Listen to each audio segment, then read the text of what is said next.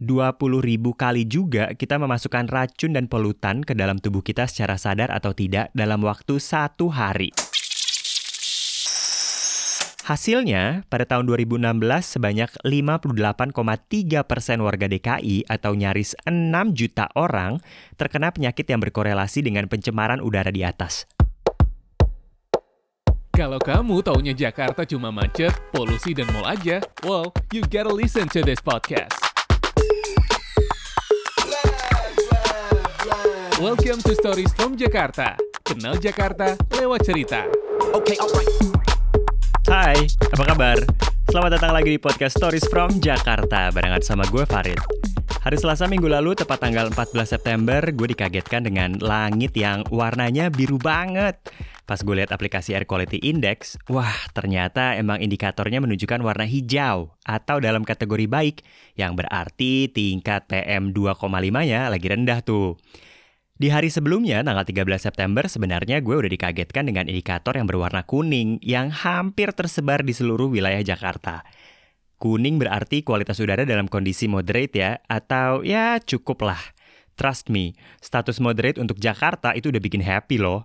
Seringnya itu oranye atau bahkan merah yang berarti unhealthy alias tidak sehat.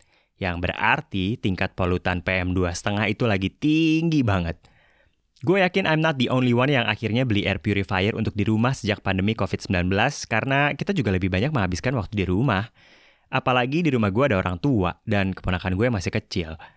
Sayangnya, sebagai warga Jakarta, kita memang nggak terlalu memperhatikan kualitas udara kita ya. Well, karena emang nggak kelihatan apa yang kita hirup.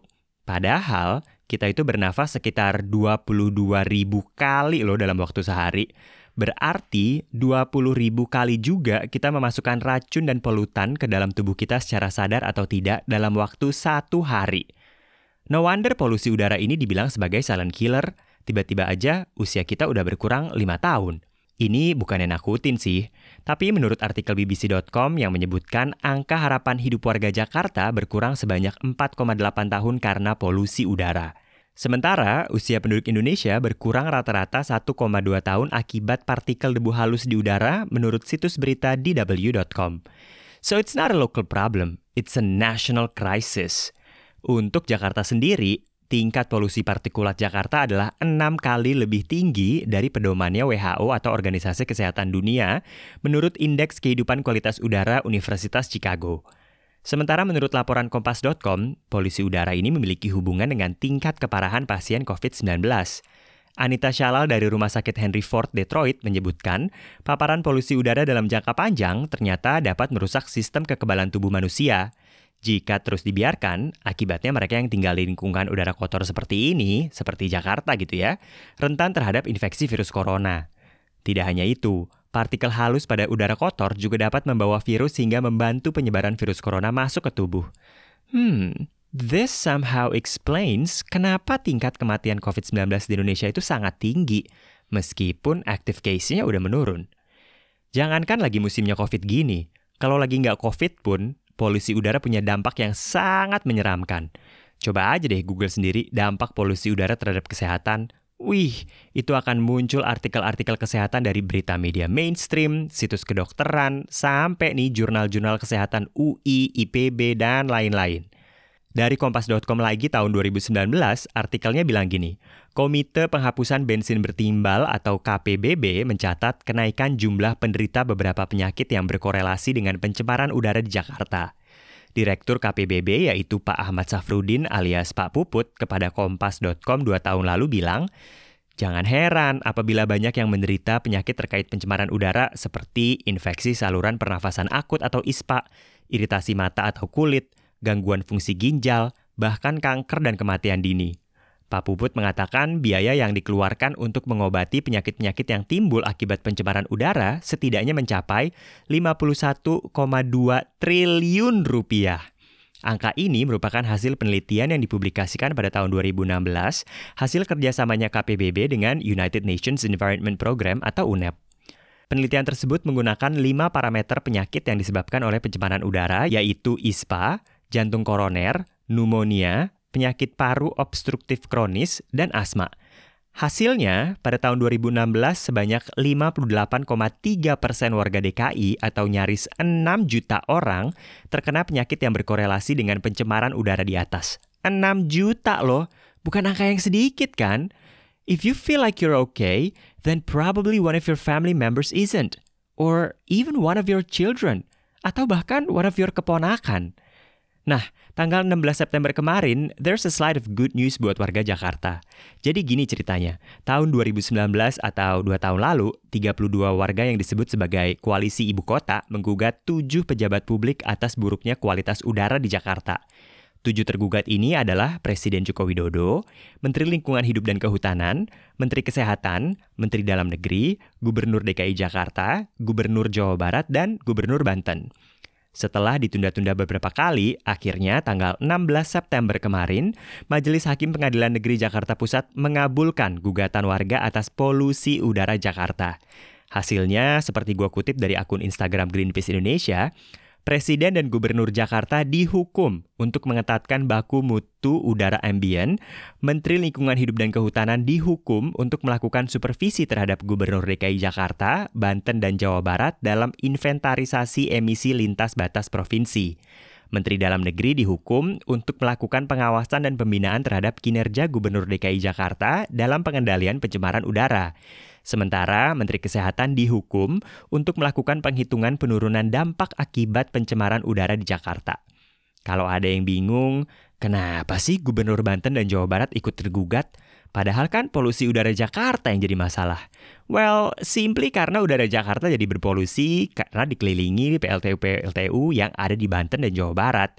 Bahkan nih, menurut artikel dari CNN Indonesia, Pak Anies sendiri udah ngaku kok kalau salah satu penyumbang polusi udara terbesar di Jakarta adalah PLTU berbahan bakar batu bara. Nah, kalau menurut Lembaga Swadaya Masyarakat Wahana Lingkungan Hidup Indonesia atau WALHI, emisi dari PLTU yang berbahan bakar batu bara itu menyumbang sekitar 20-30% polusi udara di Jakarta. Sisanya ya transportasi, pembakaran sampah, dan sumber-sumber lain. That's why ketika pembatasan mobilitas level 4 kemarin, polusi udara juga tidak membaik. Meskipun kemudian ada narasi yang bilang, ya jangan salahin mobil motor dong kalau begitu. Eh, nggak bener juga sih menurut gue. Gue sempat sewa tuh ketika ada pihak yang menciptakan narasi, tuh kan udah PPKM polusi masih parah. Jadi bukan gara-gara mobil atau motor pribadi kan? Well, semuanya terkait kali. If you think polusi udara dari kendaraan bermotor is not a problem, Coba aja lo jalan kaki di kota tua sekitar Museum Bahari pas lagi macet-macetnya. Sesek juga kali cuy. Narasinya harusnya bukan hanya kendaraan bermotor, polusi udara Jakarta juga diperparah dengan PLTU berbahan bakar batu bara. So we can solve the problem secara menyeluruh, ya kan? Eh, tapi ternyata nggak semua orang kemudian happy loh dengan keputusan menggugat pemerintah ini. Nggak perlu deh gue wawancara orang-orang, cukup lihat aja komentar beberapa orang di akun berita seperti BBC Indonesia yang mengangkat berita tentang pengadilan ini. Gue bacain ya. Ada yang bilang, ya nggak etis kalau yang dituntut dan gubernur incumbent, yang stakeholder sebelumnya juga harus dituntut dong. Hmm, true. Tapi hukuman di sini kan berarti tuntutan bagi pemerintah yang sekarang untuk berbuat sesuatu ya gubernur yang dulu mah udah nggak punya kuasa.